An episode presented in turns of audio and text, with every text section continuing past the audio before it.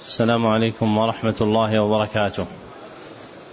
الحمد لله الذي رضي لنا الإسلام دينا وبعث إلينا رسولا صادقا أمينا نحمده سبحانه حق الحمد ونسأله التوفيق للرشد ونصلي ونسلم على سيد المرسلين وإمام المتقين وخاتم النبيين وعلى آله وصحابته الأخيار المنتجبين وتابعيهم بإحسان إلى يوم الدين.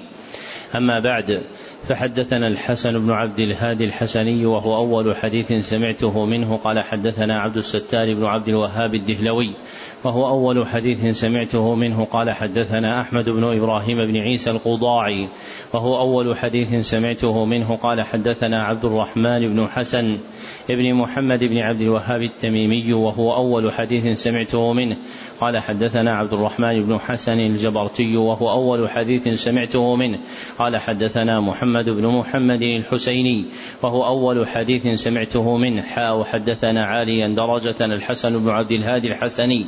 وهو أول حديث سمعته منه قال حدثنا عبد الستار ابن عبد الوهاب الدهلوي وهو أول حديث سمعته منه قال حدثنا محمد بن خليل الحسني وهو أول حديث سمعته منه قال حدثنا محمد بن أحمد البهي وهو أول حديث سمعته منه قال حدثنا محمد بن محمد الحسيني وهو أول حديث سمعته منه قال حدثنا داود بن سليمان الخربتاوي وهو أول حديث سمعته منه قال حدثنا محمد الفيومي المصري وهو أول حديث سمعته منه. قال حدثنا يوسف بن عبد الله الأرميوني وهو أول حديث سمعته منه. قال حدثنا عبد الرحمن بن أبي بكر السيوطي وهو أول حديث سمعته منه.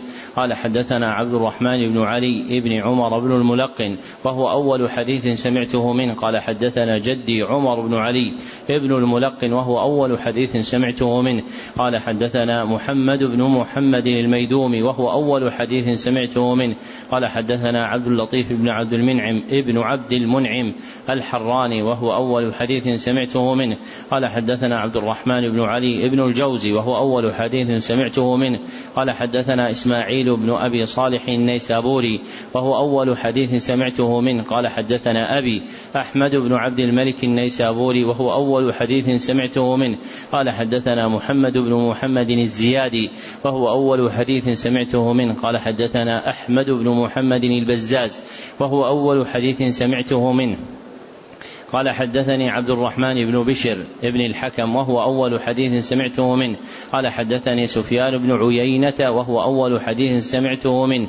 عن عمرو بن دينار عن أبي قابوس مولى عبد الله بن عمرو بن العاص عن عبد الله بن عمرو بن العاص رضي الله عنهما عن رسول الله صلى الله عليه وسلم قال الراحمون يرحمهم الرحمن ارحموا من في الأرض يرحمكم من في السماء. وبعد فقد فرغنا بحمد الله وعونه ورفده من قراءة كتاب الموطأ للإمام مالك بن أنس رحمه الله تعالى برواية يحيى ابن يحيى الليثي.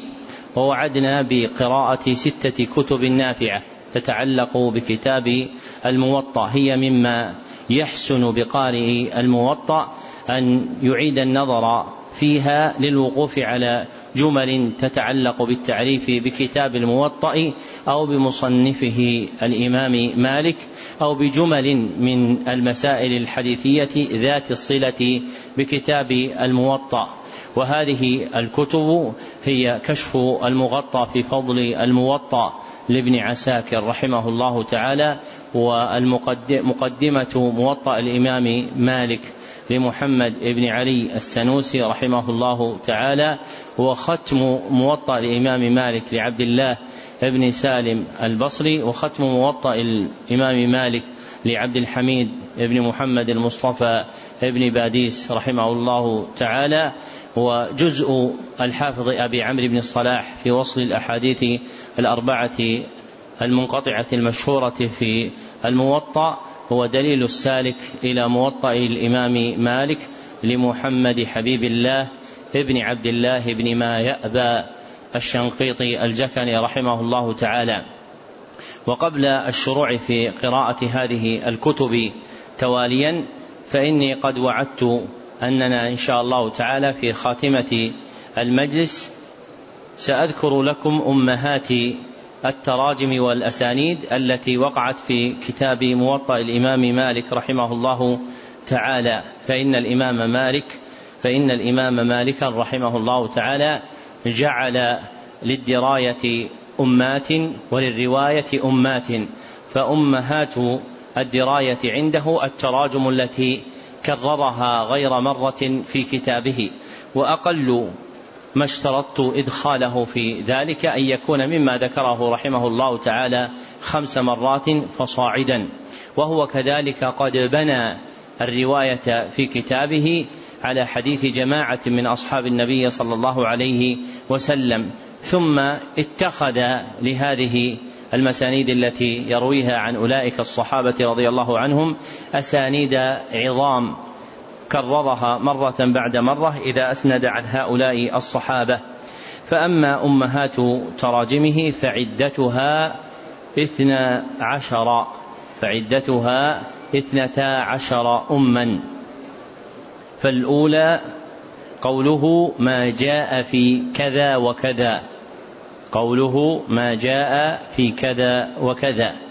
فإن هذه الترجمة أوردها في كتابه مئة وخمسا وستين مرة أو تزيد. مئة وخمسا وستين مرة أو تزيد. وسبق أن ذكرت لكم أنها أعادها أنه أعادها مئة وثمان وستين مرة. فلما راجعت ما عددت وجدت أنني عددت واحدة أدخلها المعتني بالكتاب من كلامه وليست من الموطأ. فسقطت واثنتان شككت فيهما فأقل المجزوم به أنه أعادها مئة وخمسة وستين مرة وربما زادت على ذلك شيئا يسيرا.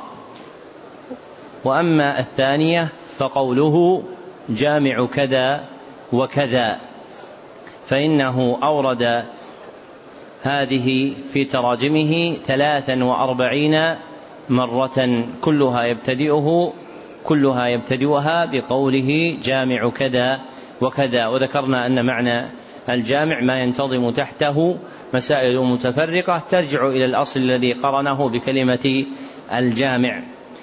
والثالثة قوله العمل في كذا وكذا فإنه أورد هذا في تراجمه تسعا وعشرين مرة بعد تقرير الحساب. وكنت قبل ذكرت سبعا وعشرين مرة فزادت بإعادة العد وتدقيقه فبلغت تسعا وعشرين مرة. وتقدم أن معناها ما ينبغي فيه من الأحكام المبينة شرعا. والرابعة قوله النهي عن كذا وكذا. فإنه أوردها إحدى وعشرين مرة على هذا البناء الذي ذكرناه. وجاء بها وفق فعل الأمر ما ينهى عن كذا وكذا أربع مرات لا تدخل في العد السابق فإن العد السابق مختص بقوله النهي عن كذا وكذا. وجاء بها بصيغة الفعل في أربعة مواضع. والخامسة قوله ما يجوز في كذا وكذا فإنه أوردها أربع عشرة مرة. والسادسة قوله ما لا يجوز فإنه أوردها إحدى عشرة مرة. وذكرنا أن ضابط ذلك أن الحلال المشروع أوسع من الحرام الممنوع فما ذكره على صيغة الإثبات ما يجوز أكثر مما ذكره على صيغة النفي ما لا يجوز. وسابعها والسابعة قوله ما يكره فإنه أوردها أيضا إحدى عشرة مرة. وثامنها والثامنة قوله الرخصة في كذا وكذا فإنه أوردها ثمان مرات فإنه أوردها ثمان مرات. ومن لطائف الأحوال أن مقابل الرخصة وهو التشديد. لم يذكره مالك في موطئه إلا في موضع أو موضعين فأقل من ذكره رحمه الله تعالى لأن الشرع مبني على اليسر. ففي حديث أبي هريرة عند البخاري إن الدين يسر إن الدين أو قال إن هذا الدين يسر. والتاسعة قوله ما يفعل. قوله ما يفعل في كذا وكذا فإنه أوردها ثمان مرات فإنه أوردها ثمان مرات واحدة منها بالتأنيث ما تفعل. والعاشرة قوله الترغيب في كذا وكذا فإنه أوردها خمس مرات فإنه أوردها خمس مرات. ووقع تكرار واحدة منهن وهي قوله ترغيب في الجهاد فإنه ترجم بهذه الترجمة مرتين في كتاب الجهاد. والحادية عشرة قوله الأمر بكذا وكذا فإنه أوردها ست مرات بصيغة الاسم وأما بصيغة الفعل فقد أوردها بقوله ما يؤمر أربع مرات ما يؤمر بقوله ما يؤمر أربع مرات وهو مساو لما أورده بقوله إيش؟ ما ينهى. مساو لما أورده بقوله ما ينهى فإن ما ينهى بالفعل ذكرها أربع مرات وما يؤمر بالفعل أوردها أربع مرات. والثانية عشرة قوله ما يجب في كذا وكذا. قوله ما يجب في كذا وكذا. فإنه أوردها ست مرات. إحداهن بالتأنيث تجب. فإنه أوردها ست مرات. إحداهن بالتأنيث تجب. أما أسانيده فأمهات الرواية في موطأ الإمام مالك ترجع إلى مسانيد من أكثر عنهم من الصحابة رضي الله عنهم. وهم سبعة. فالأول عبد الله بن عمر ابن الخطاب رضي الله عنهما وأم الأسانيد عنه نافع مولى ابن عمر عن ابن عمر وأم الأسانيد عنه نافع مولى ابن عمر عن ابن عمر.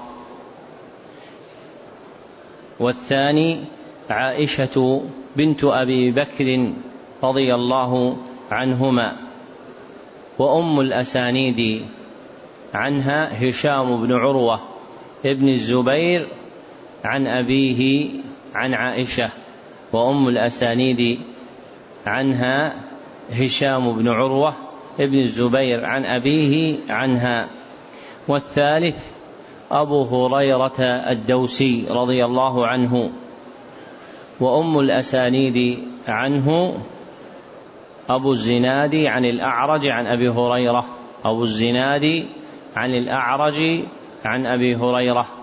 وتقدم أن الأعرج اسمه إيش؟ نعم. سنت. اسمه عبد الرحمن بن هرمز المدني وأن أبا الزناد اسمه الكامل. عبد الله بن ذكوان المدني والرابع أنس بن مالك رضي الله عنه وأم الأسانيد عنه ابن شهاب عن أنس وأم الأسانيد عنه ابن شهاب عن أنس وابن شهاب في الموطأ هو سنت محمد بن مسلم ابن عبيد الله ابن عبد الله ابن شهاب الزهري المدني رحمه الله تعالى. والخامس جابر ابن عبد الله وأم الأسانيد عنه أبو الزبير المكي عن جابر بن عبد الله وأم الأسانيد عنه أبو الزبير المكي عن جابر بن عبد الله. وكذلك وهب بن كيسان عن محمد بن منكدر عن جابر بن عبد الله. وهب بن كيسان عن محمد بن المنكدر عن جابر بن عبد الله. والسادس أبو سعيد الخدري رضي الله عنه. وأم الأسانيد عنه عمرو بن يحيى المازني عن أبيه عن أبي سعيد الخدري. عمرو بن يحيى المازني عن أبي عن أبيه عن أبي سعيد الخدري. والسابع سهل بن سعد الساعدي رضي الله عنه. سهل بن سعد الساعدي رضي الله عنه وأم الأسانيد عنه أبو حازم المدني عنه. واسم أبي حازم سلمة ابن دينار. واسم أبي حازم سلمة بن دينار. فهذه أمهات مسان أمهات أسانيد مسانيد الصحابة في كتاب الموطأ. ومنها ما هو ثنائي ليس بين النبي صلى الله عليه وسلم وبين مالك إلا اثنان كروايته عن أبي حازم عن سهل بن سعد أو روايته عن ابن شهاب عن أنس بن مالك رضي الله عنه أو روايته عن نافع عن ابن عمر. رضي الله عنهما فهذه الأسانيد هي عوالي ما عنده فإن أعلى ما في موطأ الإمام مالك الثنائيات أي أن يكون بينه وبين النبي صلى الله عليه وسلم رجلان وهذه الثنائيات أفردها جماعة بالتصنيف إلا أنه لم يطبع شيء منها فإن عوالي الموطأ الثنائيات فيه. فإذا أراد أحد أن يستلها رتبها على المسانيد ثم أورد تلك المسانيد مرتبة باعتبار الرواة. وهذه الأمات من الأسانيد هي فاتحة حفظ السنة النبوية. فإن السنة النبوية يرجع الجم الغفير منها إلى جماعة من الصحابة هم المكثرون عن النبي صلى الله عليه وسلم. ثم أولئك المكثرون لهم أسانيد كثيرة تدور عليهم وأسانيد أخرى قليلة. فهذه الأمهات من الأسانيد تأتي على أكثر من نصف السنة ويبقى بعد ذلك نزر ربما يبلغ الثلث أو أكثر. فإذا رؤي حديث أبي هريرة رضي الله عنه في كتب الإسلام وجد أنه يرجع إلى رواية الزهري عن سعيد بن المسيب عن أبي هريرة أو رواية أبي الزناد عن الأعرج عن أبي هريرة أو رواية سهيل بن أبي صالح عن أبيه أبي صالح عن أبي هريرة أو رواية العلاء بن عبد الرحمن بن يعقوب مولى الحرقة عن أبيه عن أبي هريرة رضي الله عنه. فهذه الأسانيد هي عظم الأسانيد التي تروى بها الأحاديث النبوية عن النبي صلى الله عليه وسلم فمن تمثلت بين ناظريه صار حفظ الإسناد كشرب الماء له لأنه يعرف مسالك الرواية وهذا لا يكون في القلب إلا مع إدمان النظر في كتب السنة وكثرة القراءة فيها حتى تخالط بشاشتها القلب فإذا ارتوى القلب منها صارت هذه الأسانيد التي يدور عليها العلم واضحة جلية لا تخفى على الناظر فمثلا من أكثر الأسانيد التي أسند بها مالك هو عن أبي الزناد عن الأعرج عن أبي هريرة. فإذا رجعت إلى البخاري ومسلم وإذا هما يرويان كثيرا من حديث مالك عن أبي الزناد عن الأعرج عن أبي هريرة رضي الله عنه. فمسلم خاصة يكثر من قوله أخبرنا حدثنا يحيى بن يحيى يعني النيسابوري وليس الليثي. حدثنا يحيى بن يحيى النيسابوري قال قرأت على مالك عن أبي الزناد عن الأعرج عن أبي هريرة والبخاري رحمه الله تعالى أورد أكثر من ستين حديثا. قال حدثنا عبد الله بن يوسف قال أخبرنا مالك عن نافع عن ابن عمر رضي الله عنهما. فمن عرف مثل هذه المسالك تمثلت أمامه أسانيد السنة النبوية فإذا صار له تمييز في معرفة الجرح والتعديل ومعرفة مراتب رواتها استطاع أن يعرف الصحيح منها والضعيف. فإذا ميز أحاديث كل أحد كانت له مكنة في معرفة العلل. ولذلك تجد أن قدام المحدثين من الحفاظ ربما أعلوا حديثا بقولهم هذا لا يشبه حديث فلان وإنما هو من حديث فلان. دخل عليه هذا الحديث من حديث غيره. وهم لا يقولون ذلك ضربا من الكهانة. وإنما لما امتزجت معارف السنة في قلوبهم ووعوا ما يروي الرواة ممن ترجع إليه رواية السنة النبوية ميزوا حديث كل راو عن غيره وعرفوا أن هذا من حديث فلان وأن هذا من حديث فلان. فهذه منفعة معرفة أمهات الرواية. وأما أمهات الدراية فإن الشان أعظم فإنها تفتق كثيرا من ينابيع الإدراك. لمسالك أولئك النبلاء من الأئمة في كيفية فهم السنة النبوية وإعمال أحكامها.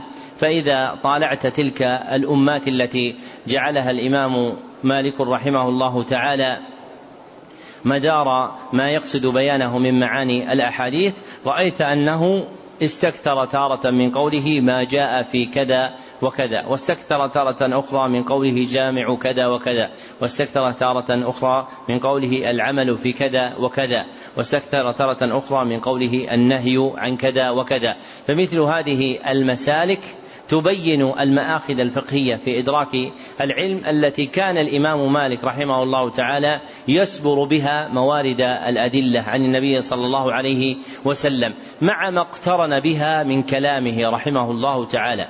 وكلام قدماء الفقهاء من أعظم ما ينتفع به في صناعة الفقه إذا طاب الغرس. فمن طاب غرسه وأحسن تأسيس نفسه في الفقه كان ما يطالعه من كلام مالك في الموطأ والشافعي في الأم وأحمد في مسائله وكلام أبي حنيفة ومحمد بن الحسن في الأصل والحجة وغيرها من كتبهم عرف طعم الفقه وذاق ذوقه وميز مدارك أولئك. وأما الذي يحسر عنها أو يهجم عليها قبل ثبات أصله في الفقه فإنه يقع فيما لا تحمد عقباه. فينبغي أن يستشرف الإنسان من هذه الإطلالة التي ذكرناها في ما يتعلق بموطأ الإمام مالك إلى إعمالها في كتب السنة النبوية العظام وخاصتها الكتب الستة وموطأ الإمام مالك رحمه الله تعالى. فإذا أعمل هذا حصل له فهم كثير في باب الرواية وباب الدراية. ثم إنه يحسن بعد المرور المبارك على كتاب الموطأ بما تيسر وفق ما اشترطناه أن يطالع الطالب كتابا مختصرا في شرح موطأ الإمام مالك. ومن أمثل هذه الكتب كتاب تنوير الحوالك للسيوطي رحمه الله تعالى فإنه شرح مختصر وجيز فهو كتاب حسن. ينبغي أن يطالعه الطالب بعد هذا المرور على كتاب الموطأ. وإذا تيسر له أن يقرأه على شيخ قراءة سريعة يمره على مقاصد الكتاب وما يحسن التنبيه إليه فذلك من أعظم الانتفاع. وأما الكتب المطولة ككتاب التمهيد فهذه الكتب تحجب الطالب عن الموطأ لأن لأن ابن عبد البر رحمه الله تعالى لما صنف التمهيد لم يصنفه على ترتيب الموطأ وإنما ابتكر تصنيفا له على ترتيب شيوخ مالك وما لأحدهم من الحديث. فغابت جملة من المعاني التي في كتاب الموطأ كما أن استطالته واستطراده في المباحث بما لا يناسب جمهور الخلق ولا يكاد يرتفع إليه إلا الخواص ممن وهبهم الله عز وجل جلدا وصبرا وإدراكا في العلم. ربما حجب أو أضاع كثيرا من الفائدة على من لم يتهيأ لذلك. فإذا طالع مثل هذه الشروح المختصرة تنوير الحوالك ثم قوي فطلع في مشكلات الموطأ لابن عاشور رحمه الله تعالى فإنه ينتفع انتفاعا ظاهرا بقراءة هذه الكتب. وهذا من منفعة الاقتصار على مقاصد مبينة مما يتعلق بكتاب ما. فنحن بحمد الله قرأنا كتاب الموطأ فانتفعنا أكثر انتفعنا أكبر فائدة وهي قراءة كتاب الموطأ للإمام مالك رحمه الله تعالى. وكلام الأوائل لا يعدله كلام أحد فالانتفاع بقراءة الكتاب أعظم من كلام كل متكلم. وربما كان عند أحدنا كتاب الموطأ من سنين عددا ولم يقرأه فتهيأ له بمثل الاجتماع على هذه المجالس قراءة كتاب الموطأ. فنسأل الله سبحانه وتعالى أن ينفعنا بما سمعنا وأن يزيدنا علما وفقها. وهذا الكتاب وهو كتاب الموطأ باكورة قراءة كتب الحديث المسندة. فإننا إن شاء الله تعالى في العام القادم كالوقت الموعود سنبدأ في سنن ابن ماجه بعد كتاب الموطأ. فإن من العادة الجارية عند المتأخرين وهي أنفع أنهم كانوا يبتدئون الكتب الستة بابن ماجه ثم النسائي ثم الترمذي ثم سنن أبي داود ثم مسلم ثم البخاري لأن المقصود وصول الطالب إلى البخاري على أتم حال وأقواه فيحصل به الانتفاع الكامل بالكتاب الأكمل. فإن أكمل هذه الكتب هو صحيح البخاري وهو أصح الكتب بعد كلام الله سبحانه وتعالى وكتابه. فإذا ترقى طالب العلم في دراسة كتب الحديث على هذا النحو فوصل إلى البخاري تحصل له فائدة كبيرة بخلاف العكس فيما لو ابتدأ بالبخاري ولم يكن له يد في معرفة الحديث رواية ودراية فإن استفادته من كتاب البخاري تقل وكتاب البخاري لو قيل إنه من الكتب التي كلما أعادها الإنسان وجد فائدة لم يكن ذلك بعيدا لأنه محض الصحيح عن النبي صلى الله عليه وسلم. وكم من مسألة من مسائل البخاري ما طلعت عليها شمس الشراح. لأن الله سبحانه وتعالى جعل العلوم اختصاصات ربانية ومنحا إلهية فبقدر ما يقبل العبد على الله سبحانه وتعالى ويصدق في الطلب ويأخذ الطلب ويأخذ بطريقه يفتح الله سبحانه وتعالى له من الفهم ما لم يكن له من قبل. فلا تقعدن همتك عن النظر في معاني هذه الكتب بدعوى أن هذه الكتب قد شرحت فإن كون هذه الكتب قد شرحت لا يعني انتهاء المعاني إلى ما ذكره الشراح. فإن فضل الله سبحانه وتعالى لا يختم. ومن الغلط الجاري قولهم خاتمة الحفاظ أو خاتمة الفقهاء أو خاتمة المجتهدين. لأن لأن الحكم بالختم يحتاج إلى وحي. فإن الله ربما أخرج ممن تأخر ما له من العلم ما يفوق به من تقدم. وهذا بالنسبة للأفراد لا باعتبار العموم والجنس. فإذا كان الأمر كذلك فربما فتح لك من الفهم والمعرفة ما لم يفتح لغيرك. وفي الموطأ في الاستسقاء أن أبا هريرة رضي الله عنه كانوا إذا مطروا قال مطرنا بنوء إيش؟ قال مطرنا بنوء الفتح. مطرنا بنوء الفتح يعني فتح الله عز وجل وفضله. وكما يكون هذا الفتح على الأرض بغيثها من الماء فكذلك يكون الفتح من الله سبحانه وتعالى على القلوب بمدارك العلم والإيمان. فينبغي أن يجتهد المرء في سؤال الله عز وجل أن يفتح له فتحا عظيما في فهم كلامه وكلام رسوله صلى الله عليه وسلم. وهذا المأخذ من مآخذ العلم والقبس من مقابس تحصيله يغفل عنه كثير من الناس فإن أكثر الناس يقفون مع ظواهر القوى فأحدنا يغتر بقوة حفظه أو جودة فهمه أو كثرة كتبه أو إحسان تعليم أستاذه أو غير ذلك من المعاني التي تحفه في التعلم والتعليم ويغفل عن دوام دعاء الله سبحانه وتعالى أن يفتح له فتحا عظيما وهذه الغفلة من أسباب إزجاء كثير من الوقت في العلم مع قلة الانتفاع لأن العلم من الله سبحانه وتعالى وهو هبة كالنبوة فإن النبوة هبة يختص بها الله من يشاء والعلم ميراث النبوة فيختص الله به من يشاء من عباده.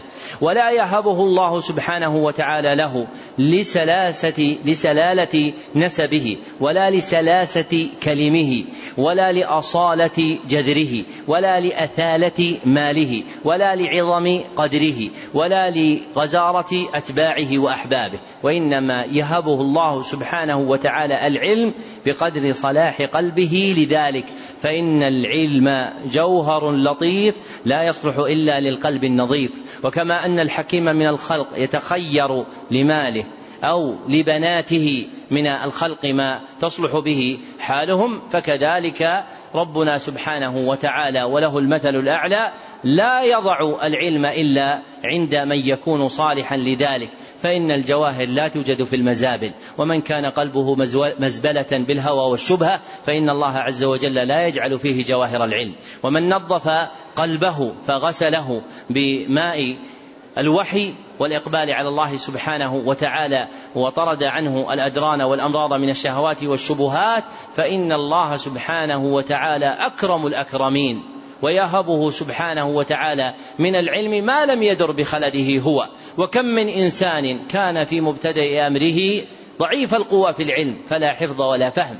ولكن مع الصدق مع الله سبحانه وتعالى وكثرة الإقبال عليه ودعائه ييسر الله سبحانه وتعالى له الأمر. فلا تغفل يا طالب العلم عن هذا المسلك العظيم. ولا تحجب بظواهر القوى وزخرف الدنيا عن الله سبحانه وتعالى. فإن من أعظم حجب القلب اغترار العبد بقواه وما خذل العبد خذلانا أشد من اغتراره بقوته. فإن من وكل إلى قوته وكل إلى ركن ضعيف. فقمين أن يهوي به في واد سحيق من الضعف. وإذا جعل الإنسان أمره مردودا إلى الله سبحانه وتعالى أفلح وأنجح. ذكر ابن رجب رحمه الله تعالى في بعض تآليفه أن رجلا قال لصاحب له مشهور بالسباحة يا فلان إن قطعت النهر الفلاني في مدة كذا وكذا جعلت لك كذا وكذا وسمى جعلا يعني عطية يعطيه إياها. فقال ذلك الرجل إني على ذلك لقادر. فاتعد موعدا ضرباه بينهما فوقف أحدهما على الشط ليرمي نفسه يسبح ووقف صاحبه في الجانب الآخر ومعه العطية التي وعد. فما هي إلا مدة يسيرة حتى أقبل السباح الماهر يقطع نهرا شديد الموجة. فلما أقبل عليه قال صاحب العطية مهنئا له قال يا فلان فزت بالعطية إن شاء الله. فقال المغرور بقواه الجاهل قدرة مولاه. فزت بالعطية شاء الله أم لم يشأ الله فأخذه الله عز وجل فذهب في قعر, قعر النهر. قوتك خذلت هذا سباح ماهر ولكن لما اغتر بقوته خذله الله عز وجل فخسف به, خسف به في قعر النهر. فأنت لا تغفل عن ربك سبحانه وتعالى في سؤاله أن يرزقك العلم النافع ولا تغتر بقواك التي تحيط بك وإياك أن تركن إليها فكم من إنسان وكل إلى هذه القوى فأفضت به إلى ما لا تحمد عقباه. كم من إنسان أعجبه فهمه وقوة حفظه في العلم فارتد عن الإسلام. ارتد عن الإسلام. ذكر ابن كثير رحمه الله تعالى في البداية والنهاية عن جماعة من المسلمين كانوا يخرجون إلى ثغور الروم فيحاصرونها مدة. وذكروا معهم شابا صالحا حافظا للقرآن. فكان مرابطا ذات ليلة في إحدى تلك الحصون. فاطلعت فتاة نصرانية من قوة في ذلك الحصن فأخذت بقلبه فجاذبها الحديث ثم أنس بها وأنست به.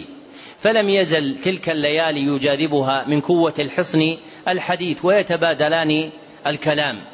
ثم قال إني أريد أن أتزوجك. فقالت لا سبيل لك إلي فإنك مسلم وأنا نصرانية.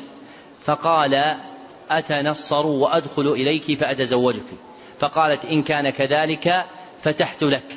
فأخبرت أباها بذلك ففتحوا له في الحصن بابا فدخل. فتنصر لأجل الزواج من نصرانية لأنه خذل لما وكل إلى نفسه ولم يأتمر بأمر الشرع. ثم صار من خبره ما ذكره ابن كثير رحمه الله تعالى في البداية والنهاية.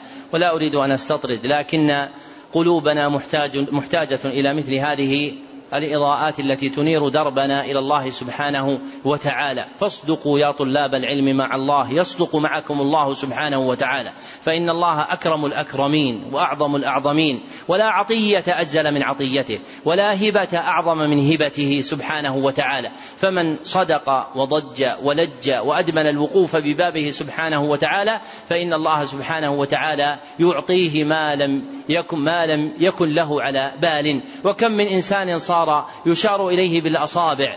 فإذا سئل عن مبتدأ أمره يخبر بأنه لم يكن شيئا ولم يكن يظن بأنه يصل إلى هذا ولكنه فضل الله سبحانه وتعالى عليه. وليس أحد من الصالحين يريد اجتماع الناس ولا الإشارة إليه بالأصابع لكن من بلي بذلك فقد بلي بهذه البلية. فعليه أن يستعين بالله سبحانه وتعالى ولا ينسى مراقبة الله سبحانه وتعالى في أمره سره وعلنه. نسأله سبحانه وتعالى أن يلهمنا رشدنا وأن يقينا شر أنفسنا وأن يبارك لنا في علمنا وعملنا وأن يزيدنا إخلاصا وتقوى وأن يبارك لنا في النيات والذريات. نشرع إن شاء الله تعالى في قراءة هذه الكتب الستة وربما تعلقنا تعليقا يسيرا لأن المقصود هو قراءة هذه الكتب للاطلاع على ما فيها وسنبين معانيها في مجالس أخرى في برامج أخرى ونبتدئ هذه الكتب بكتاب كشف المغطى للحافظ علي بن الحسن بن هبة الله بن عساكر رحمه الله. اقرأ القرآن أول؟ نعم. أعوذ بالله من الشيطان الرجيم. بسم الله الرحمن الرحيم. والسماء والطارق. وما أدراك ما الطارق النجم الثاقب إن كل نفس لما عليها حافظ فلينظر الإنسان مما خلق خلق من ماء دافق يخرج من بين الصلب والترائب إنه على رجعه لقادر يوم تبلى السرائر فما له من قوة ولا ناصر والسماء ذات الرجع والأرض ذات الصدع إنه لقول فصل وما هو بالهزل إنهم يكيدون كيدا وأكيد كيدا فمهل الكافرين أمهلهم رويدا.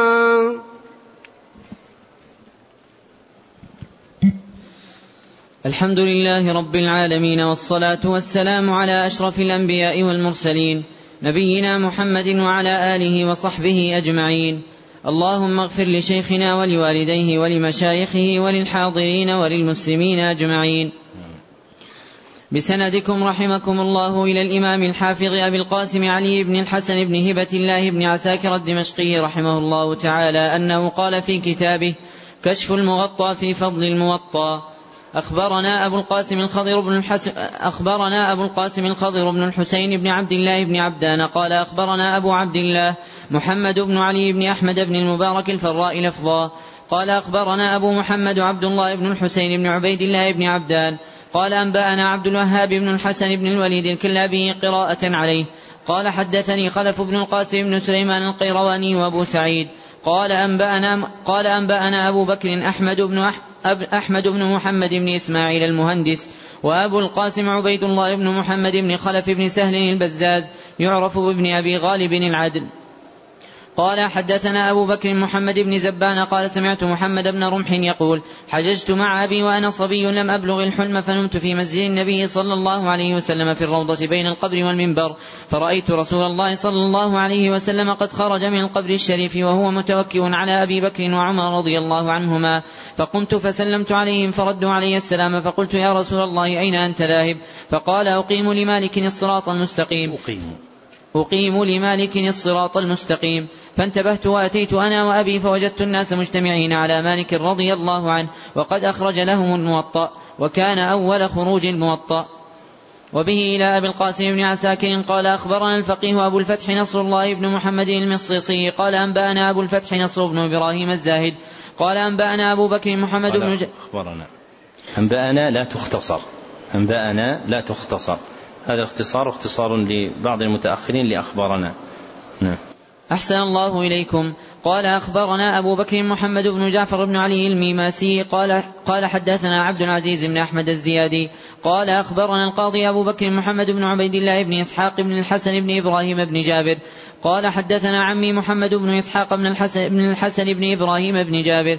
قال حدثنا محمد المكنى بأبي الحكم بن أبي ذهل المصري وقال سمعت محمد بن أبي السري العسقلاني يقول رأيت رسول الله صلى الله عليه وسلم في النوم فقلت يا رسول الله حدثني بعلم أحدث به عنك فقال لي صلى الله عليه وسلم إني قد أوعزت إلى مالك بكنز يفرقه عليكم. يفرقه عليكم.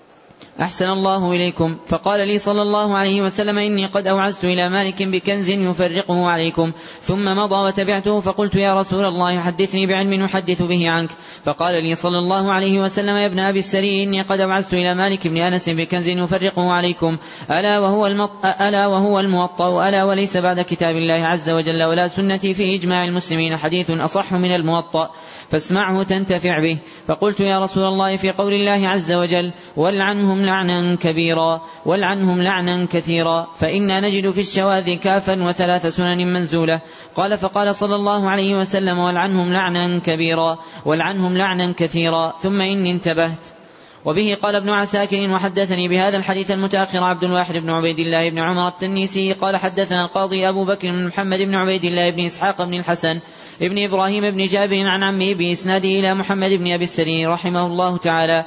وبه قال أخبرنا أبو القاسم زاهر بن طاهر المستملي قال أنبأنا أبو قال أخبرنا أبو سعد محمد بن عبد الرحمن بن محمد الجنز الجنزروذي قال قال أنبأنا الحكم بن قال أنبأنا الحكم أبو أحمد محمد بن محمد بن إسحاق الحافظ قال حدثنا محمد بن يعقوب بن يوسف قال حدثنا أبو, أبو محمد بكر بن سهل بن إسماعيل القرشي الدمياطي بدمياط.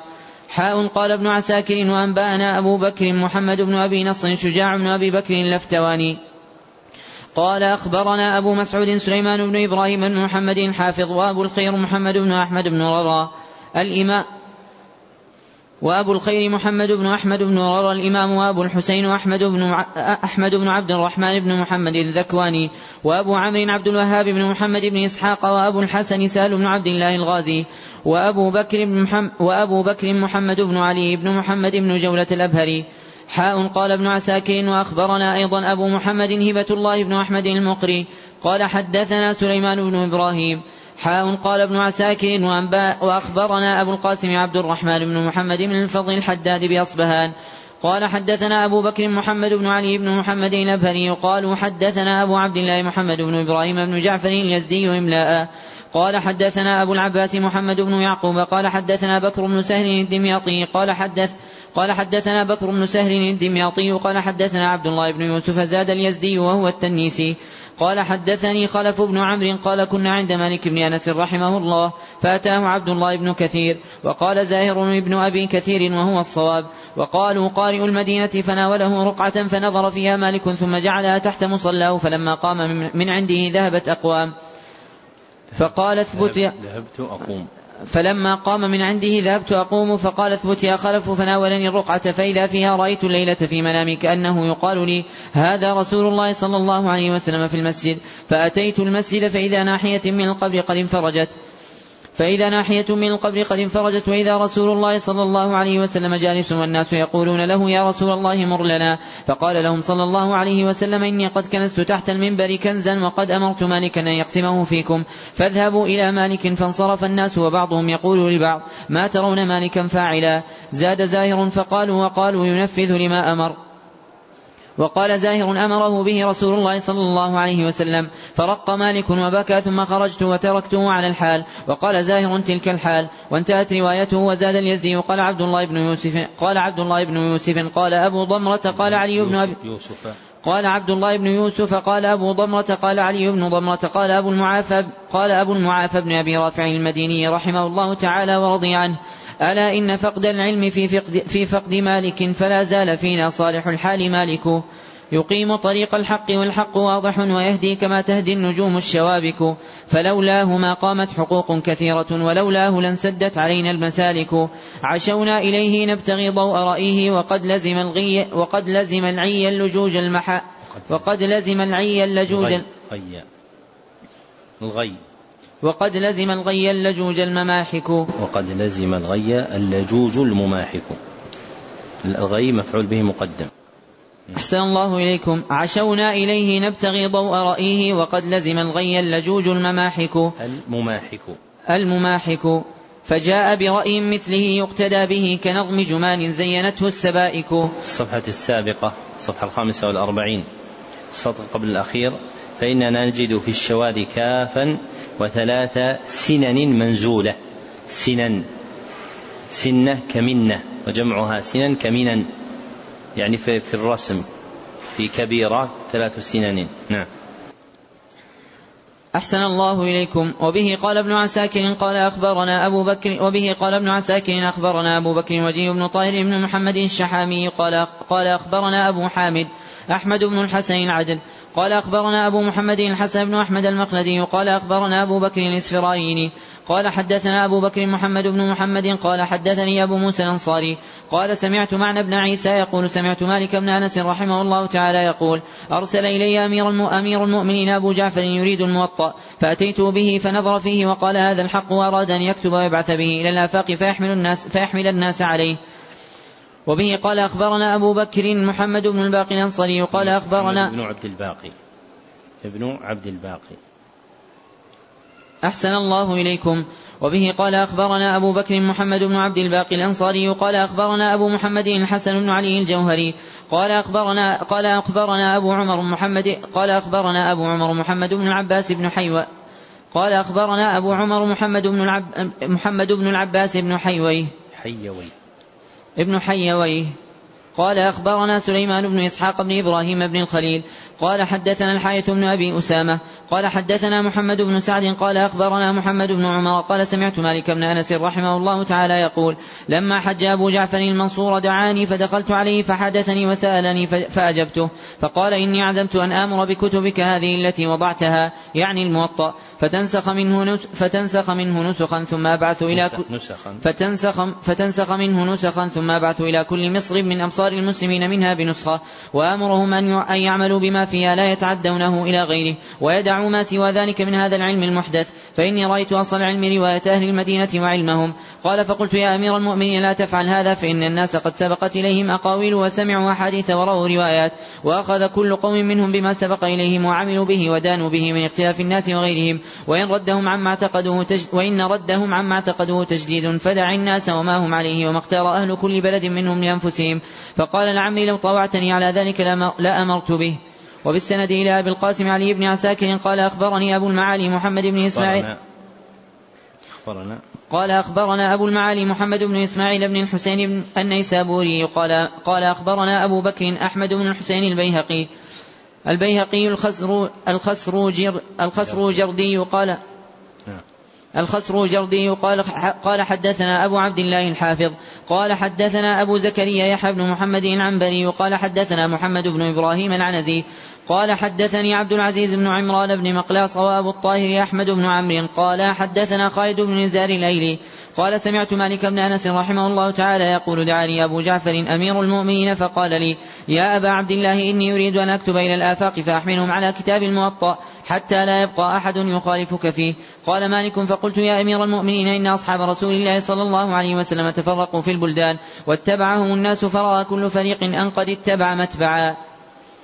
وبه قال أخبرني أبو النجم بدر بن عبد الله الشيحي قال حدثنا أبو الحسن بن سعيد قال حدثنا أبو بكر الخطيب قال أخبرنا ابن الفضل قال قال أخبرنا دعلج قال أخبرنا محمد بن علي الأنباري قال سألت مجاهد بن موسى عن سعيد بن داود الزنب قال سألت مجاهد بن موسى عن سعيد بن داود الزنبري قال سألت عبد الله بن نافع الصائغ قال سألت عبد الله بن نافع بن نافع الصائغ فقلت يا أبا محمد زعم أن المهدي أمر مالك بن أنس حين أخرج الموطأ يصير في صندوق حتى إذا كان أيام الموسم حمل الناس عليه فأرسل إلى العراق فقيل لمالك بن أنس انظر فإن أهل العراق سيجتمعون فإن كان فيه شيء فأصلحه فقرأه على أربعة أنفس أنا فيهم. فقال كذب سعيد أنا والله أجالس مالكا منذ ثلاثين سنة أو خمسة وثلاثين سنة. بالغداة والعشي وربما هجرت ما رأيته قرأه على إنسان قط. إنما أنكر ابن نافع قوله أنه سمعه من لفظه فأما حمله الموطأ إلى العراق فلم يتعرض له. وبه قال حدثنا أبو المعالي محمد بن إسماعيل بن الحسين بن محمد بن إسماعيل الفارسي بن سابور قال أخبرنا أبو بكر أحمد بن الحسين الحافظ قال أخبرنا محمد بن عبد الله الحافظ. قال أخبرنا مكرم بن أحمد بن مكرم, مكرم قال أخبرنا مكرم بن أحمد بن مكرم. قال أخبرنا مكرم بن أحمد بن مكرم القاضي. قال حدثنا أبو الفضل العباس بن عيسى بن عبد الله بن مسلم بن عبد الله بن محمد بن عقيل بن أبي طالب. قال سمعت أبا مصعب الزهري يقول قال سمعت أبا مصعب الزهري يقول قال هارون لمالك يا أبا عبد الله أريد أن أسمع منك الموطأ. قال فقال مالك نعم يا أمير المؤمنين. قال فقال لمالك متى؟ قال مالك غدا. قال فجلس هارون ينتظره وجلس مالك في بيته ينتظره. قال فلما أبطى عليه أرسل إليه هارون فدعاه. قال فقال له يا أبا عبد الله ما زلت أنتظرك منذ اليوم. فقال مالك وأنا أيضا يا أمير المؤمنين لم أزل أنتظر لم أزل لم أزل أنتظرك منذ اليوم. إن العلم يؤتى ولا يأتي وإن ابن عمك هو الذي جاء بالعلم صلى الله عليه وسلم. فإن رفعتموه ارتفع وإن وضعتموه اتضع. وبه قال أخبرنا أبو الحسن علي بن أحمد بن منصور المالكي وقال أخبرنا أبو قال أخبرنا أبي أبو العباس الفقيه قال أخبرنا عبد الوهاب بن عبد الله قال أخبرنا عبد الوهاب بن عبد الله الحافظ قال حدثنا أبو يعلى عبد العزيز بن عبد القريب الحراني المقري قال حدثنا أبو بكر أحمد بن مروان المالكي قال حدثني إبراهيم بن نصر النهاوندي قال حدثني عتيق بن يعقوب الزبيري قال قدم هارون الرشيد قال قدم هارون الرشيد المدينة وكان قد بلغه أن مالك بن أنس رحمه الله تعالى عنده الموطأ يقرأه على الناس فوجه إليه البرمكي فقال أقرئه السلام وقل له يحمل إلي الكتاب فيقرأه عليه فأتاه البرمكي فأخبره فقال له أقرئه السلام وقل له إن العلم يزار, يزار ولا يزور وإن العلم يؤتى ولا يأتي فأتاه البرمكي فأخبره وكان عنده أبو يوسف القاضي, أبو يوسف القاضي. فقال يا أمير المؤمنين يبلغ أهل العراق أنك وجهت إلى مالك بن أنس في أمر فخالفك فخالفك اعزم عليه. فبينا هو كذلك إذ دخل مالك بن أنس فسلم وجلس فسلم وجلس. فقال يا ابن أبي عامر أب فقال يا ابن أبي عامر أبعث إليك فتخالفني؟ فقال مالك يا أمير المؤمنين. أخبرني الزهري وذكره عن خارجة بن زيد بن ثابت عن أبيه رضي الله عنه قال كنت أكتب الوحي بين يدي رسول الله صلى الله عليه وسلم فنزلت لا يستوي القاعدون من المؤمنين. قال ابن أم مكتوم عند النبي صلى الله عليه وسلم فقال يا رسول الله إني رجل ضرير وقد أنزل الله عز وجل في فضل الجهاد ما قد علمت. فقال النبي صلى الله عليه وسلم لا أدري. وقال ميرة ما جف. حتى وقع فخذ النبي صلى الله عليه وسلم على فخذي ثم أغمي على النبي صلى الله عليه وسلم ثم جلس صلى الله عليه وسلم فقال يا زيد اكتب غير أولي الضرر ويا أمير المؤمنين حرف واحد بعث فيه جبريل والملائكة من مسيرة خمسين ألف عام ألا ينبغي لي أن أعز أن ألا ينبغي لي أن أعزه وأجله؟ وإن الله تبارك وتعالى رفعك وجعلك في هذا الموضع بعلمك فلا تكن أنت أول من يضع عز العلم فيضع الله عزك. قال فقام الرشيد فمشى مع مالك إلى منزله يسمع منه الموطأ وأجلسه معه على المنصة. فلما أراد أن يقرأه على مالك قال تقرأه علي فقال مالك ما قرأته على أحد منذ زمان. قال فتخرج الناس عني حتى أقرأه, حتى أقرأه أنا عليك. فقال مالك إن العلم إذا منع من العامة لأجل الخاصة لم ينفع الله به الخاصة. فأمر له معنى ابن معنى ابن عيسى فأمر له معنى ابن عيسى القزاز أن يقرأه عليه. فلما بدأ بالقراءة ليقرأه قال مالك بن أنس لهارون الرشيد يا أمير المؤمنين أدركت أهل العلم ببلدنا وإنهم يحبون التواضع للعلم فنزل هارون عن المنصة فجلس بين يديه. وبه قال أخبرنا أبو المعالي محمد بن إسماعيل الفارسي قال أخبرنا أبو بكر أحمد بن الحسين الحافظ قال حدثنا أبو عبد الله الحافظ قال حدثنا أبو الطيب محمد بن أحمد بن الحسن المنادي قال أخبرنا محمد بن عبد الوهاب بن حبيب العبدي قال سمعت أبي رحمه الله يقول كنا نأتي مالك بن أنس فنجلس في دهليز له عليه مصراعان. فتجيء بنو هاشم فتجلس وتجيء قريش فتجلس على منازلها ثم نجيء نحن فنجلس وتخرج جارية له بالمراوح فيأخذ الناس فيتروحون فيقول الشيخ بالمصراع فيفتحه فيخرج فينظر إلى قريش كأنما على رؤوسهم الطير إذا نظروا إليه إجلالا. قال وفي ذلك يقول الشاعر يأبى الجواب فما يراجع هيبة والسائل نواكس الأذقان. أدب الوقار وعز سلطان التقى فهو الأمير وليس ذا سلطان. وبه قال أخبرنا أبو محمد عبد الكريم بن حمزة بن الخضر وبه قال أخبرنا أبو محمد عبد الكريم بن حمزة بن الخضر السلمي بدم خضري ابن الخضر ابن الخضر السلمي بدمشق. قال السلمي أحسن الله إليكم. وبه قال أخبرنا أبو محمد عبد الكريم بن حمزة بن الخضر السلمي بدمشق. قال أنبأنا أبو بكر أحمد بن علي بن ثابت الخطيب.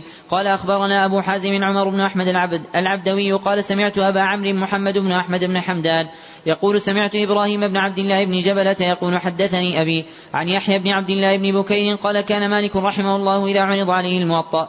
تهيأ ولبس ثيابه وتاجه وساجه وعمامته ثم أطرق ثم أطرق فلا ينتخم ولا يبزق ولا يعبث بشيء من لحيته. فلا ينتخم ولا يبزق يتنخم. فلا يتنخم ولا يبزق ولا يعبث بشيء من لحيته حتى يفرغ من القراءة إعظاما لحديث رسول الله صلى الله عليه وسلم. وبه قال أنبأني أبو القاسم النسيب وجماعة عن أبي محمد الحسن بن علي الجوهري. قال حدثنا محمد بن العباس الخزاز قال حدثنا قال حدثنا عثمان بن جعفر بن اللبان. قال حدثنا محمد بن نصر المروزي قال قال حدثنا محمد بن نصر المروزي قال حدثنا أبو بكر الأعين قال حدثنا أبو سلمة يعني الخزاعي قال كان مالك يعني الخزاعي قال كان مالك بن أنس رحمه الله إذا أراد أن يخرج. يحدث توضأ وضوءه للصلاة ولبس أحسن ثيابه ولبس قل ولبس ولبس أحسن ثيابه ولبس قلنسوته ومشط لحيته فقيل له في ذلك فقال أوقر به حديث رسول الله صلى الله عليه وسلم.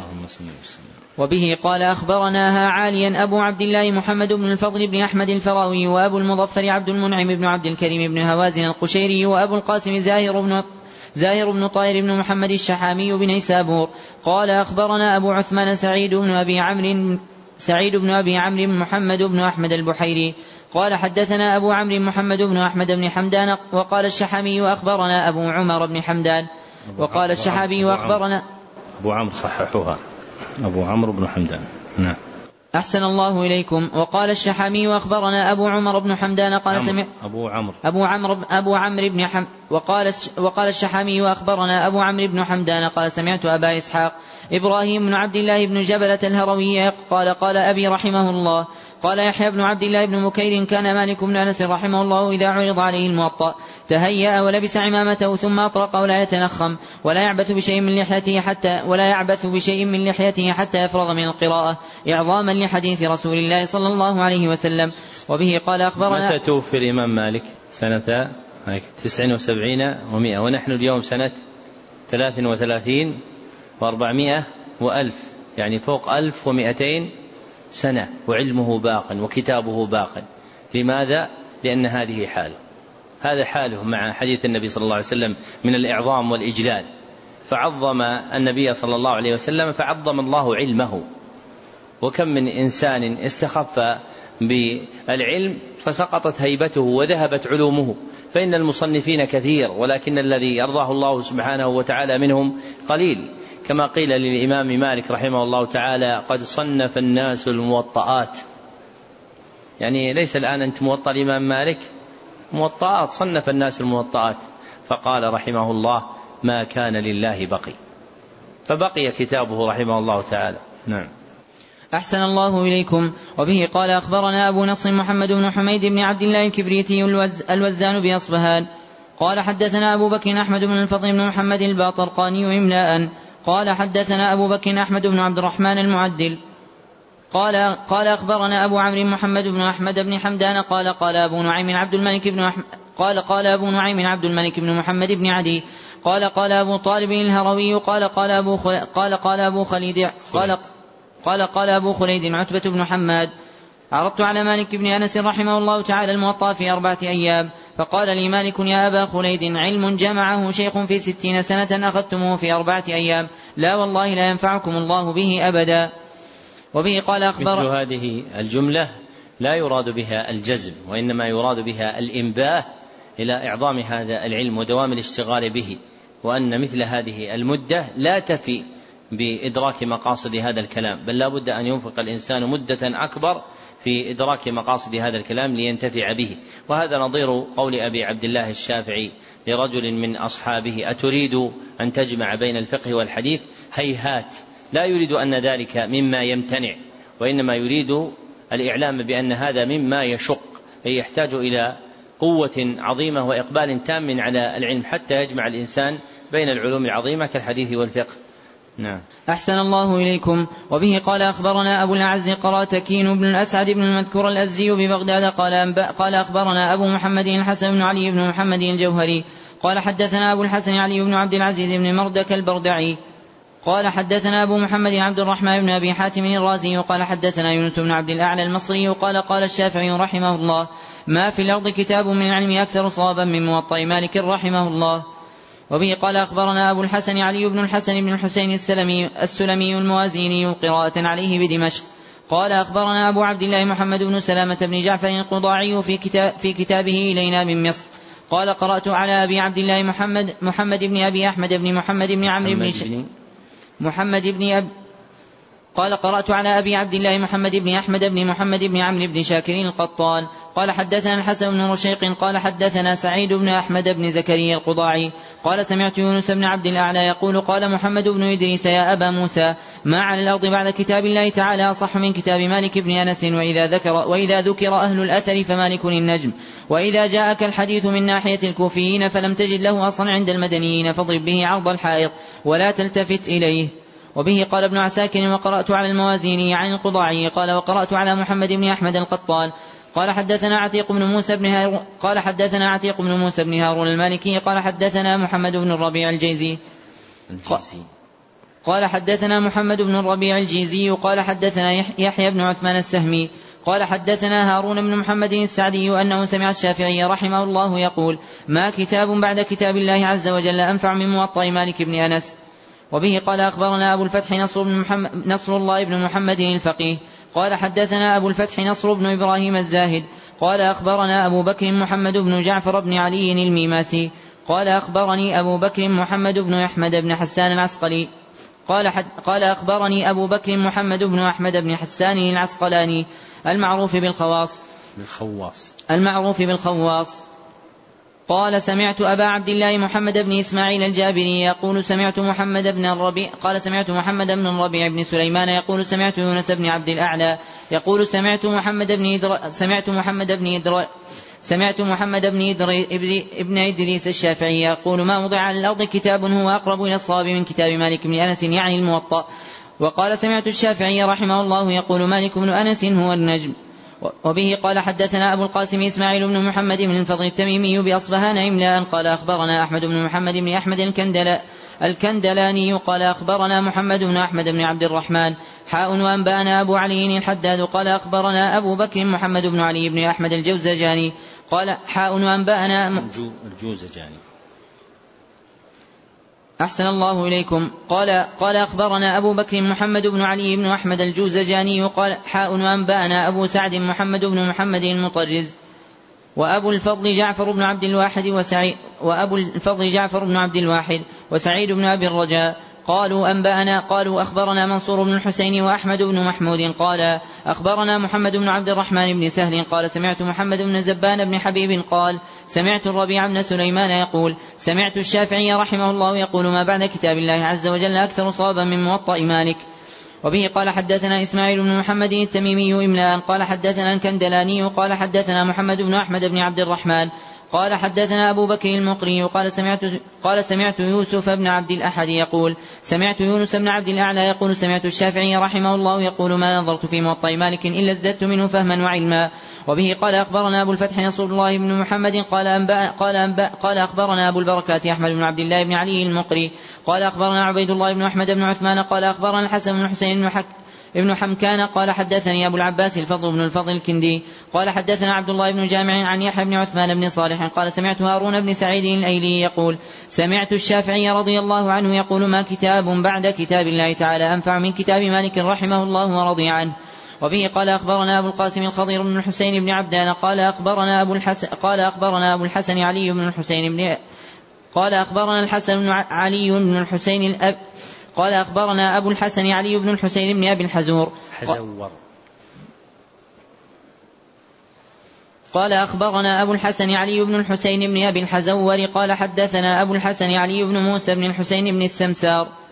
قال أخبرنا أبو يحيى البلقي يعني زكريا بن أحمد. قال حدثنا قال حدثنا البوشنجي يعني محمد بن إبراهيم قال حدثني بعض أصحابنا قال قال الشافعي رحمه الله ما أعلم كتابا بعد كتاب الله اولى من كتاب الموطأ وبه قال أخبرنا أبو الحسن علي بن الحسن الموازيني قال حدثنا أبو عبد الله محمد بن سلامة القضاعي في كتابه إلينا. قال قرأت على أبي عبد الله محمد بن قال قرأت على أبي عبد الله محمد بن أحمد القطان. قال حدثنا عبيد الله بن محمد بن خلف بن سهل البزاز. قال حدثنا عبد الله بن محمد بن جعفر القاضي. قال سمعت يونس بن عبد الله يقول قال لي الشافعي رحمه الله وذكر الموطأ وما فيه من الحديث. فقال ما علمنا أن أحدا من المتقدمين ألف كتابا أحسن من موطأ مالك وما ذكر فيه من الأخبار عن أهل المدينة وغيرهم من العلماء المشهورين ولم يذكر فيه مرغوبا عنه في الرواية كما ذكر غيره في كتبه. وما علمت ذكر وما علمت ذكر حديث وما, وما علمت ذكر حديثا. وما علمت ذكر حديثا فيه وما علمت ذكر حديثا فيه ذكر أحدا من فيه ذكر. وما علمت ذكر حديثا فيه ذكر أحد من أصحاب رسول الله صلى الله عليه وسلم إلا ما في حديث العلاء بن عبد الرحمن. ليذادن رجال عن حوضي ولقد أخبرني من سمع مالكا ذكر هذا الحديث وأنه قال ود أنه لم يخرجه في الموطأ. وبه قال أخبرنا أبو الفتح نصر الله بن محمد قال أخبرنا أبو الفتح نصر بن إبراهيم قال حدثنا محمد بن جعفر الميماسي قال وأنبأنا أبو بكر محمد بن أحمد بن حس قال وأنبأنا أبو بكر محمد بن أحمد بن حسان قال أنبأنا أبو محمد الحسن بن رشيق قال حدثني أبو القاسم نصر بن الفتح المروزي قال قال أبو الزنباع سمعت أبا محمد عبد الزنباع قال قال أبو الزنباع سمعت أبا محمد عبد الرحمن بن عبد المؤمن يقول سمعت أحمد بن عيسى اللخمي يقول قال قال لنا عمرو بن أبي سلمة ما قرأت كتاب الجامع من موطأ مالك قط إلا أتاني آت في منامي فقال لي هذا كلام رسول الله صلى الله عليه وسلم حقا. وبه قال أخبرنا أبو المظفر عبد المنعم بن عبد الكريم بن هوازن القشيري بن نيسابور قال أنبانا أبو قال أخبرنا أبو بكر أحمد بن الحسين بن علي البيهقي قال أخبرنا أبو عبد الله الحافظ قال حدثنا دعلج بن أحمد السجزي ببغداد قال السجزي ببغداد قال أنبأنا أحمد بن علي الأبار قال حدثنا أبو عمار قال سألت أحمد بن حنبل رحمه الله عن كتاب مالك بن أنس فقال ما أحسنه لمن تدين به وبالإسناد إلى ابن عساكر قال أخبرنا أبو القاسم قال أخبرنا أبو القاسم إسماعيل قال أخبرنا أبو القاسم إسماعيل بن أحمد السمرقندي قال حدثنا أبو القاسم إسماعيل بن مسعدة قال أخبرنا حمزة بن يوسف السهمي السهمي الجرجاني حاء قال ابن عساكر وأخبرنا أبو محمد عبد الجبار بن محمد بن أحمد البيهقي بن نيسابور. قال أنبأنا أبو بكر أحمد بن الحسين بن علي البيهقي قال أخبرنا أبو سعيد الماليني. قال حدثنا أبو أحمد بن عدي الحافظ قال حدثنا عبد الله بن محمد بن جعفر القزويني. قال حدثنا صالح بن أحمد بن حنبل قال سمعت أبي رحمه الله يقول سمعت الموطأ من محمد بن إدريس الشافعي رضي الله عنه لأني رأيته فيه ثبتا وقد سمعته من جماعة قبله. وبه قال ابن عساكر قرأت على أبي محمد بن قرأت على أبي محمد بن محمد قرأت على أبي محمد عبد الكريم بن حمزة. عبد الكريم بن حمزة بن الخضر السلمي السلمي عن أبي بكر أحمد بن علي بن ثابت الخطيب الحافظ قال أخبرنا أبو بكر عبد الله بن علي بن حمويه بن أبرك الهمداني بقراءة عليه بها. قال أخبرنا أبو بكر أحمد بن عبد الرحمن بن أحمد بن محمد بن موسى الشيرازي قال أنشدنا أبو الحسين أحمد بن فارس القزويني الأديب البري لنفسه.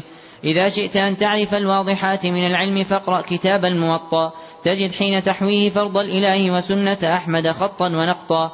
ودع ما تكلفه الجاهلون بلفظ معمى ومعنى مغطى ودونك علما يضيء الفؤاد لفظا يضيء الفؤاد لفظا ومعنى وشرحا وبسطا. وبه قال ابن عساكر أنشدني الشيخ أبو بكر يحيى بن إبراهيم بن أحمد بن محمد ابن محمد السلماسي الواعظ قدم علينا قدم علينا دمشق. قال أنشدني والدي الشيخ أبو طاهر قال أنشدني أبو عبد الله الحميدي الأندلسي قال يحيى ولي منه إجازة ولي منه إجازة لعل لنفسه لعلها السجلماسي لعلها السجلماسي سقط منها الجيم قبل اللام. فاكتبوها لعله السجلماسي وراجعوه. نعم. أحسن الله إليكم. قال أنشدني أبو عبد الله الحميدي الأندلسي قال يحيى ولي منه إجازة لنفسه. إذا قيل من نجم الحديث وأهله وإذا قيل من نجم الحديث وأهله أشار ذو الألباب يعنون مالكا. إليه تناهى علم دين محمد فوطأ فيه للرواة المسالك ونظم بالتصنيف ونظم بالتصنيف أشتات نشره وأوضح ما قد كان لولاه حالكا. ووقت دروس العلم شرقا ووقت وقت دروس العلم شرقا ومغربا تقدم في تلك في تلك المسالك سالكا. وقد جاء في الآثار من ذاك شاهد على أنه في العلم خص بذلك فمن كان ذا طعن على علم مالك ولم يقتبس من نوره كان هالكا. وقال أبو عثمان الورجوني الورجوني, الورجيني رحمه الله تعالى. ورجيني الور الورجيني. وقال أبو عثمان الورجيني رحمه الله رحمه الله تعالى لقد بان للناس الهدى غير أنهم غدوا بجلابيب الهوى قد تجلببوا. فلو أحدثت في بلدة الصين بدعة رأيت, لها رأيت إليها السفن في البحر تركب فمن رام أن ينجو بمهجة نفسه فلا يعد ما تحوي من العلم يثرب. أأترك دارا كان بين بيوتها يروح ويغدو جبرائيل المقرب. وكان رسول الله فيها وبعده بسنته أصحابه قد تأدبوا. وفرق سبل وفرق سبل العلم في تابعيهم فكل امرئ منهم له فيه مذهب. فخلصه بالسبك للناس مالك ومنه صحيح. فخلصه بالسبك للناس مالك ومنه صحيح في المجص, في المجص وأجرب. فأبرى بتصحيح الرواية داءه وتصحيحها فيه دواء مجرب. ولم يؤت هذا العلم إلا من أهل ولم يؤت هذا العلم إلا من أهل ولم يؤت هذا العلم إلا من ولم يؤت هذا العلم إلا من أهله وفي قلة التمييز بالعلم معطب فبادر موطأ مالك قبل فوته فما بعده إن فات العلم مطلب ودع للموطأ كل علم تريده ودع للموطأ كل علم تريده فإن الموطأ الشمس والعلم كوكب هو الحق عند الله بعد كتابه وفيه لسان الصدق بالحق معرب لقد أعربت وفيه, وفيه لسان الصدق بالحق معرب لقد أعربت آثاره ببيانها فإن فما إن لها في العالمين مكذب. ومما به أهل الحجاز تفاخروا بأن الموطأ بالعراق محبب. وكل كتاب بالعراق مؤلف تراه بآثار الموطأ تراه بآثار الموطأ يعصب. ومن لم تكن كتب الموطأ ببيته فذا ومن لم تكن كتب الموطأ ببيته فذاك من التوفيق بيت مخرب. ولو بالموطأ يعمل الناس كلهم لأمسوا لأمسوا أو لأمسوا وما منهم على الأرض مذنب. جزى الله عنا في موطئ في موطئه مالكا بأفضل ما يزي اللبيب المهذب. فقد أحسن التحصيل في كل ما روى كذلك من يخشى الإله ويرهب. لقد رفع الرحمن في العلم قدره غلاما وكهلا ثم إذ هو أشيب. أتعجب منه إذ علا في حياته تعاليه من بعد المنية يعجب. لقد فاق أهل العلم شرقا ومغربا فأضحت به الأمثال في الناس تضرب. وما فاقهم إلا بتقوى وخشية وإذ كان يرضى في الإله ويغضب. فلا زال يسقى قبره فلا زال يسقى قبره كل عارض بمن بمنعبق ظلت عزاليه تسكب.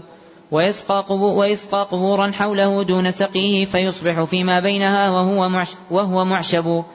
وما بي بخل إن تسقى كسقيه ولكن حق العلم أولى وأوجب. آخر الجزء والحمد لله وحده وصلى الله على محمد وآله وصحبه وسلم تسليما وحسبنا الله ونعم الوكيل.